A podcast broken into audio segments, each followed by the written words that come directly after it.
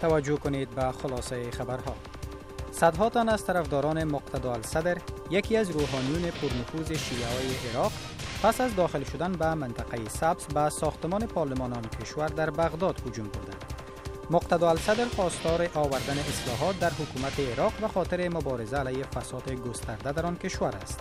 او از حیدر العبادی صدر اعظم کشورش خواسته وزرایی را که به اساس های سیاسی تعیین شدهاند برکنار کرده و به جای آنان افراد متخصص و بدون گرایش های فرقی و سیاسی را معرفی کند. مصر محاکمه 237 نفر را به خاطر شرکت در مظاهره علیه عبدالفتاح السیسی رئیس جمهور آن کشور آغاز کرد. هزاران مصری به تاریخ 15 اپریل در اعتراض به تصمیم السیسی مبنی بر تحویل دو جزیره به عربستان سعودی مظاهره کرده و خواستار سرنگونی حکومت مصر شدند. دیدبان حقوق بشر می‌گوید که نیروهای مصری 382 نفر را در آن مظاهره ها بازداشت کردند. سازمان بین المللی مهاجرت می گوید که 84 پناهجو پس از غرق شدن کشتیشان در آبهای ساحل لیبیا ناپدید می باشند. این در حال است که یک کشتی باربری ایتالیایی در آن ساحه 26 تن از پناهجویان سوار بر کشتی غرق شده را نجات داده است. یک سخنگوی نیروی محافظ سواحل ایتالیا گفت که این پناهجویان شهروندان کشورهای غرب افریقا بودند که احتمالا روز جمعه لیبیا را ترک کرده و روز شنبه کشتیشان غرق شد.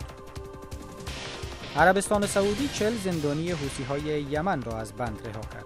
محمد عبدالسلام سخنگوی شورشیان حوسی گفت که از این میان 20 نفر در داخل یمن از سوی عربستان سعودی دستگیر شده بود. این در حال است که مذاکرات صلح برای پایان دادن جنگ داخلی یمن بین شورشیان حوسی تحت حمایت ایران و حکومت یمن که عربستان سعودی از آن حمایت می کند با میانجیگری ملل متحد در کویت جریان دارد. ولادیمیر پوتین رئیس جمهور روسیه در یک اقدام کم سابقه چندین مقام ارشد ادارات تنفیذ قانون آن کشور را برکنار کرد. در میان افرادی که وظایفشان برکنار شدند، رئیس سارنوالی اداره ترانسپورت جنوبی، رئیس زندانهای فدرال روسیه در مسکو و معاون وزیر داخله منطقه الحاق شده کریمیا شامل می باشند. رئیس جمهور روسیه همچنین دو معاون کمیته تحقیقاتی آن کشور را که بر وظایف پلیس روسیه نظارت می کند برکنار است.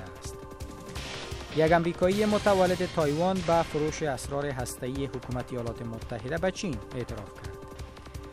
و یک استاد روانشناسی دانشگاه پرنستن یکی از معتبرترین دانشگاه های جهان کارنامه ناکامی های خود را به نشر رسانده است. پروفسور یوهان اوشافر می‌گوید این کار را به منظور انگیزه دادن به دانشجویان که در ساحه علمی و کاری احساس دلسردی می کنند انجام داده است. پایان خبرها